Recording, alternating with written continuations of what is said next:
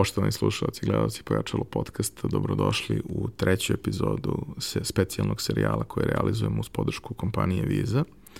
A, ovoga puta pričamo o temi koja baš i nema toliko veze sa internet prodajom kao što su imale prethodne dve, ali ima veze sa mnogim drugim stvarima.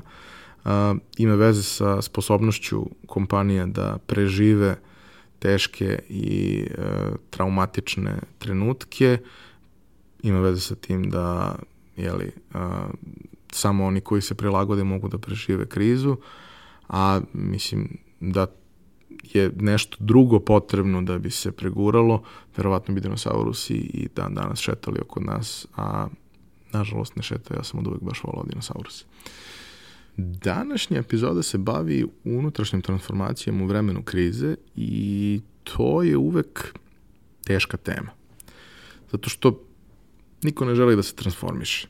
Međutim, krize su takve da od nas zahtevaju da se prilagodimo ili da izgubimo u, u toj krizi. A kada izgubiš, to najčešće znači da te više nema ili kao biznisa ili kao uh, jedinke. Ono što je nekako mi se čini vrlo, vrlo značajna stvar koja se desila u ovoj krizi, to je da smo uh, shvatili neke stvari koje nam je možda bilo jako teško da shvatimo pre toga. Recimo, da mnogi stvari koje m, su morale da se urade fizički fizičkim prisustvom, zapravo ne moraju da se urade tako, da ne mora baš da se ode na šalter, da ne mora baš da se donese pečat, da ne mora možda većina tih nekih stvari koje su ovaj, u, u nekom prethodnom periodu morale, da ne mora baš da se radi uvek sve iz kancelarije, da ne mora baš uvek da se sedne na sastanak da bi se ovaj, porazgovaralo na teme koje su mogle da budu mail, poziv ili u nekim slučajima čak i, i, i SMS. A, ostaje samo da se nadamo da su i ove, šalterski službenici državnih institucija i paradržavnih institucija kao što su pošte i ostalo nešto naučili u ovih šest meseci i da se neće odmah vratiti na, na stare loše prakse, nego da će možda nešto od toga usvojiti. Elem, dakle, krize su vreme kada mora da se razmišlja i mora da se dela, mora da se donesu neke teške odluke, moraju da se prave neki rezovi da bi se opstalo. I ljudi se snalaze i razni biznisi se snalaze na različite načine. Sad, ovo nije prva kriza i u, u svakoj krizi unazad su postojali pobednici i gubitnici. Najčešće su gubitnici bili oni koji nisu uspevali da se prilagode, pobednici su bili oni kojima je možda pogodovala cela ta situacija ili su našli način da im pogoduje, a naravno postoje slučajevi oni koji su negde između, koji su uspeli da prežive, kojima je to dalo šansu da možda nastave sa svojim poslom. A, jedan vrlo zanimljiv primer, ovaj, primer koji je negde nas malo pogodio ovde, a opet se tiče online prodaje, je primer Alibabe i, i nastanka Taobao, odnosno ono što mi zovemo AliExpress, jer u trenutku kada je bila kriza sa SARS virusom, koja je u mnogo manjem obimu, ali bila prilično slična i sam virus je dosta sličan COVID-19 virusu. Alibaba je bila relativno mlada kompanija, postala tek nekoliko godina, ali se bavila isključivo business to business prodajom. Dakle, to je bilo nešto od, od čega su oni živjeli, kako su funkcionisali. Međutim, kriza sa SARS-om je značila da značajan broj njihovih zaposlenih ne može da dolazi na posao, da su suštinski kućama i da nemaju pristup i mogućnost da idu redovno u nabavke i slične stvari i oni su odlučili da pokušaju da se reorganizuju i u tom periodu iskoriste priliku da naprave servis koji će biti okrenut ka krajnim kupcima.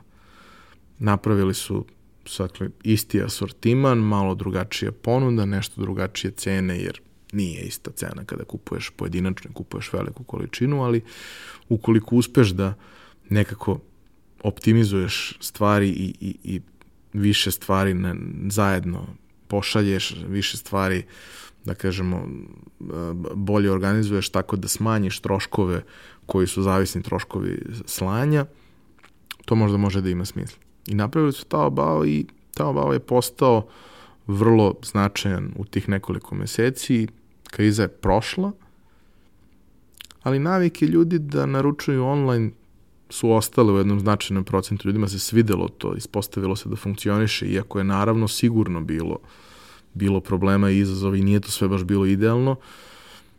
Ne mora da bude idealno, mora samo da makar određenom broju ljudi rešava jedan problem koji imaju i nudi mogućnost kako da taj problem prevaziću. A, preživeli su krizu, postali su još značajniji i u okviru same Kine i nakon toga i van Kine, ali kad imate tržište koje je više od milijardu ljudi, onda je sasvim ok da ste lokalno, lokalno dovoljno jaki. A, takođe, recimo, jedan vrlo, vrlo zanimljiv primer, MailChimp je prilično poznata kompanija koja se bavi um, uslugom slanja newslettera, odnosno masovnih mailova za klijente. Oni su nastali negde početkom 2000-ih i primarno su bili okrenuti gotovo isključivo velikim firmama. I nije to bilo loše za njih. Međutim, kako to obično biva kada se približava kriza, u ovom slučaju ekonomska kriza koja se desila 2008. godine, um, velike kompanije gledaju da srežu troškove i sve ono što im nije neophodno, a 2008. newsletter nije bio neophodan mnogima, jedan od prvih troškova koji sečete. Nisu znali šta da rade, imali su prihode, imali su neku istoriju, imali su neku određenu količinu akumuliranog novca i donali su vrlo značajnu odluku da uh, servis koji se pre toga plaćao u svakoj varijanti nije uopšte bio toliko jeftin, ponude besplatno do određenog broja korisnika. Ponude malim kompanijama koji imaju do 2000 mailova, odnosno 2000 ljudi na svojim mailing listama, da mogu da šalju besplatno kroz njihov sistem. Šta je to značilo? Pa njima to nije bio neki preveliki trošak, značilo je ogromnu količinu besplatne promocije, a svi oni koji probaju to da koriste, ako im to funkcioniše, a funkcioniše im zato što je divno, jednostavno, pregledno, uredno, savršeno, ako se razviju i porastu i prevaziđu svoju potrebu onoga što, što dobijaju u besplatnom paketu, kupit će pretplatu. Jer ta pretplata nije 100 dukata, a njima rešava problem koji im je vrlo važan. I tako su oni sa 90.000 korisnika, što zvuče kao super cifra, u roku od godinu dana došli do 450.000 korisnika. Morali su nešto da daju da bi nešto dobili, ali se ispostavilo da je ta vrsta ovaj, e, trade-offa, ne znam ni kako bih rekao na srpskom, ovaj, bila, bila dosta dobro rešenje za njih. Takođe, recimo, jedna vrlo zanimljiva kompanija, imao sam prilike ovaj, u onom prvom specijalnom uh, serijalu da i, i iskusim kako to funkcioniše. Kompanija Warby Parker, um, koja je američki, uh, američka firma koja postoji nekih deseta godina i bavi se prodajom uh, naočara, ramova za naočare, bilo da su u pitanju sunčani ili naočare za vid, jer je to prilično skupo u Sjedinjenim državama. E, oni su našli jedan malo drugačiji modalitet kako da rade. Naravno, u Kini se manje više sve proizvodi, ali postoji određeni standard kvaliteta i neka startna cena za neki uobičajan uh, set je uh, 95 dolara ili 99 dolara. Uh, a naravno ako imate neka posebna stakla i neke dodatne potrebe koje su, koje su kompleksnije, onda to ide gore, ali i dalje je to povoljnije od onoga da odete u, u radnju koja proizvodi, koja prodaje ovaj, globalne brendove.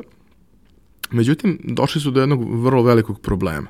Problema koji u tom trenutku tehnologija nije mogla da reši, a to je da naočare su specifičan proizvod. Naočare ljudi moraju da probaju uh, da bi videli kako im stoje. Slika naočara je super, ali dok ti to ne staviš na glavu, vrlo vjerojatno nećeš biti zadovoljan. I danas, 2020. oni imaju i aplikaciju koja uz pomoć kamere vašeg telefona, ako je u pitanju noviji telefon, može da vam smesti 3D naočare na glavu i to dosta dobro izgleda, međutim, trebalo se snaći u vreme kada to nije bilo moguće. I oni su napravili jedan sistem koji su kasnije mnogi iskopirali i ispostavio se jako dobar, a to je da vi kao kupac možete da odaberete na njihovom sajtu pet modela koji vam se dopadaju i tih pet modela vam stižu na vašu kućnu adresu.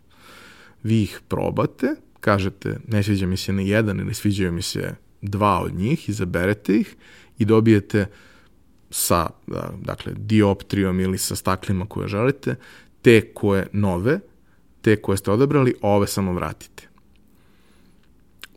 Možda na prvu loptu ne deluje kao, kao jednostavno rešenje, ali zapravo jeste. Vi imate određeni pool naočara koje, koje vrtite i to prosto funkcioniše kroz, kroz vreme, a e, rešili ste najveći problem koji vaš kupac ima a to je da nije siguran dok ne proba da li mu to odgovara. I za mnoge druge stvari to funkcioniše na, na, na sličan način, ali naočare su baš, baš, baš izuzetno, izuzetno specifične. E, u toj istoj krizi, koja se dešavala dakle, u periodu 2008. do 2009. godine, um, opet su ispaštale stvari koje nisu esencijalne. I jedna od njih je turizam, putovanje. Ljudi su i dalje želeli da putuju, ali ne možeš baš sebi da opravdaš da trošiš neki značajan novac na putovanje u trenutku kada nisi siguran kako ćeš da preživiš naredni mesec. Jedna od kompanija koje su nastale neposredno pre toga, a koja je u tom periodu napravila jako veliku ekspanziju, je Airbnb. Zato što je Airbnb ponudio jeftinije opcije za smeštaj i omogućio ljudima da taj eventualni odlazak negde ih unazadi manju količinu novca i na taj način su uspeli da postanu vrlo relevantni. E sad, malo više od 10 godina kasnije ispostavit će se da su takvi biznisi ovaj, najviše ispaštali možda u ovoj sad krizi kada putovanje nije bilo moguće i kada su ljudi bili vrlo limitirani, odnosno u nekom trenutku je putovanje postalo moguće, ali samo u okviru zemlje, pa eto, to je neka prilika bila da se, da se ovaj, možda donekle oporave ljudi koji su uh, svoj uh, biznis model bazirali na tome da im dolaze turisti i lokalni turisti su ok rešenje kada, kada nema stranaca, ali mnogi biznisi koji su zavisili od stranih turista su bili u problemu. I onda tu postoje razna neka razna neka zanimljiva rešenja kako su se oni dovijali. Uh, meni recimo posebno interesantno to što je deo avio kompanija koje su najviše pogođene svim ovim odlučio da svoju flotu koja je suštinski prizemljena i možda se koristi 5 ili 10% nje, prilagodi tome da radi više kargo letova, jer oni su u ovom trenutku potrebni i kada imaš resurse koji su skupi, a ne iskorišćeni, sve što želiš je da ih uposliš. I to ima smisla. A, takođe, vrlo slične stvari su radile kompanije koje imaju velike flote vozila, s kojima nisu imali šta da rade, pa su ta vozila iznajemljivana za varijante dostave, razvoza i sličnih stvari. Takođe, um, mnoge recimo kompanije koje više nisu imale potrebe tolike za kancelarijama jer su ljudi radili od kuće, su odlučile da svoje kantine preurede u restorane koje su radili dostavu. Da li je to idealno? Pa nije, ali je to način da se na neki u nekom obimu upusle resursi koje imate. Takođe, hoteli recimo koji su u, u, bili u velikom problemu i e, zaista nije bilo prijatno biti u tom biznisu tokom ove krize, su imali jako malu popunjenost, ali su onda odlučili, hej, zašto mi ne bismo umesto da rentamo sobe, jer sada više sobe nikome ne trebaju, sobe mogu da budu i kancelarije. Ima dosta ljudi koji imaju potrebu da rade od kuće, ali nemaju baš uslova da rade od kuće, bilo da je u pitanju uh, porodica, buka ili da prosto nemaju mesta da kući naprave sebi sve ono što im je potrebno za rad iz kancelarije. Zašto mi njima ne bismo ponudili po nekoj pristupačnoj ceni da, da mogu da iznajmlje sobu za radno vreme ili možda za sastanak ili za poziv ili možda čak i za snimanje nečega jer je bilo dosta slučajeva ljudi koji su odlučili da deo svog uh, poslovanja razne konsultanti, ljudi koji su predavači, da deo svog posla koji su do sada radili uživo sa ljudima prebace na online, pa nije baš isto kada se snimate u dnevnoj sobi, a dete trči iza vas i galami i kada odete i u nekom lepom, prijatnom setupu kakva je hotelska soba u miru i u ovaj, kontrolisanim uslovima radite tako nešto. to se odnosi i na predavače i na razne vrste konsultanata, pa čak i u nekim slučajevima i na, da kažemo, psihoterapeute, ljude koji rade jedan na jedan sa, sa drugim ljudima. Takođe, recimo, škole jezika, škole plesa, a postoje recimo i pozitivni primjeri teretana koje su takođe u, u jako velikom problemu, koje su imale određenu količinu uh, kažemo, kadrova tu koji su interesantni personalnih trenera i, i, i da kažem, sličnog profila, koji su odlučili da svojim korisnicima, koji su plaćali pretplatu, omoguće da, ok, više tu pretplatu ne mogu možda da koriste u teretani, ali mogu da je koriste tako što će dobiti vođene treninge od trenera putem uh, interneta i koji će im omogućiti da dobar deo tih stvari rade u svojoj kući i ostanu u formi. U razgovoru nedavno sa kolegom sam saznao da, da kažemo, prodaja tih sprava za vežbanje, to su i neke statistike koje sam gledao ovaj, pokazale, sprava za vežbanje u kući muslima da je prodaja toga drastično porasla. Takođe, prodaja bicikala. Ima recimo primjera kompanije koje su se bavile rentom bicikala u raznim nekim turističkim naseljima, raznim lokacijama koje su za to interesantne. Su ponudile nešto što bi moglo da se nazove dugoročna renta, da ti za neku ne preterano veliku količinu novca dobiješ taj bicikl na mesec dana da možeš da ga koristiš onako kako ti hoćeš. I, ok, nakon mesec dana, ako ti treba i dalje produžiš, ako ne, vratiš, ali oni su deo novca izvukli, ti si dobio ono što ti treba u tom periodu i to zvuči kao prilično dobar deal. A, banke su recimo iako to kod nas naravno kasni i pitanje kada će se desiti, ali banke napolju su recimo razvile dosta nekih sistema da, uh, koji omogućuju da potvrdite nečiji identitet bez da on fizički mora da bude tu, da li je u pitanju snimak kamerom, kratak razgovor ili nešto što je potrebno uraditi, tek ispostavit će se da je to dovoljno dobro i vrlo verovatno ako je dovoljno nekim stranim bankama da će biti dovoljno i našim, ali naravno to sad traje i to je, to je proces.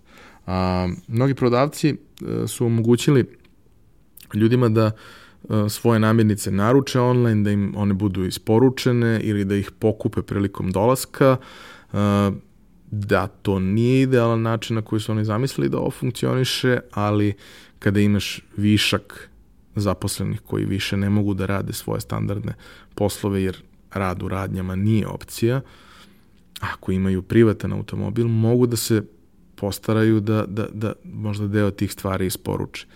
Um, teško je pričati sa ljudima na tu temu, ali ja verujem da male firme i e, ljudi koji rade u malim firmama imaju razumevanja za takve stvari.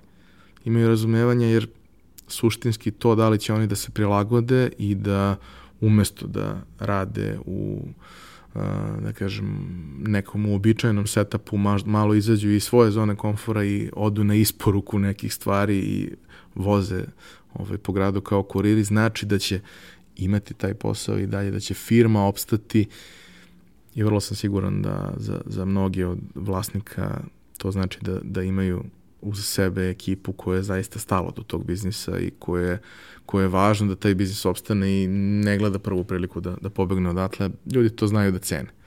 A, posebno interesantan moment, ovaj, jer mnogi od ovih primjera su realno globalni i uglavnom ako su i dolazili kod nas, dolazili su sa nekom zadrškom.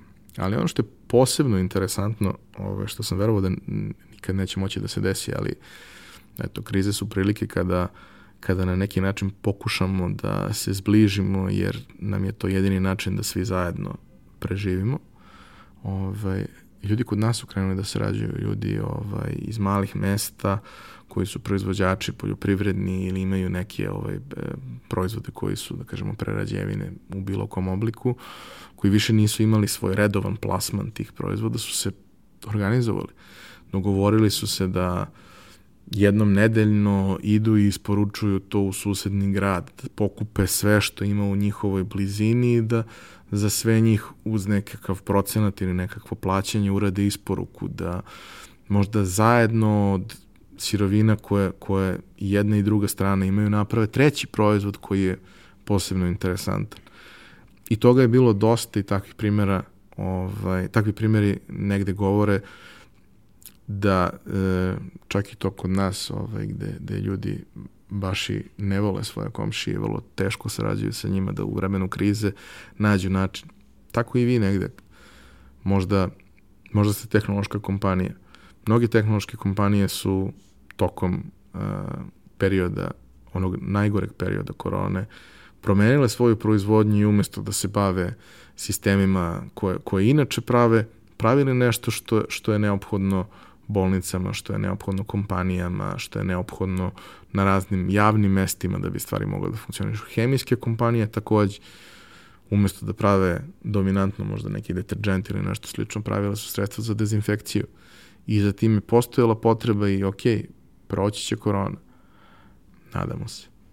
Ali za time će ostati potreba, jer navika ljudi se neće baš tako lako vratiti. Nadam se da ćemo se ponašati svi odgovornije nego što smo se ponašali pre ovoga, jer da smo se ponašali odgovornije u periodu kad je to bilo najpotrebnije, možda bi sve ovo, sve ovo trajalo kraće. Uh, prilike postoje. Za neke je jako teško. Za neke uopšte nije toliko teško, samo je možda vama nevidljivo jer ste previše blizu, jer ste unutra i od svakodnevnog stresa i stvari koje se dešavaju ne vidite širu sliku i ne vidite mogućnosti koje tu postoje. Pričajte sa svojim zaposlenima, pričajte sa svojim kupcima, pričajte sa svojim partnerima, možda postoji neka prilika koju vi ne vidite. To je bilo sve što smo vam pripremili za ovu epizodu, nadam se da vam je bilo interesantno. Hvala vam što ste odvojili vreme za nas, hvala kompaniji Visa koja nas podržava, a vama preporuka da ispratite šta sve rade e, kroz platformu za podršku malim biznisima, jer tamo možete da nađete neke jako zanimljive i korisne stvari i sa aspekta edukacije i sa aspekta nekih uh, vrlo interesantnih akcija koje, koje kompanija Visa pravi sa svojim partnerima, pa tako recimo možete ako ste korisnik uh, jedne od banaka da dobijete besplatan shop, a u nekim drugim situacijama besplatnu promociju ili neku drugu besplatnu uslugu ili uslugu sa, sa značajnim popustom zato što ste korisnik Visa biznis kartice.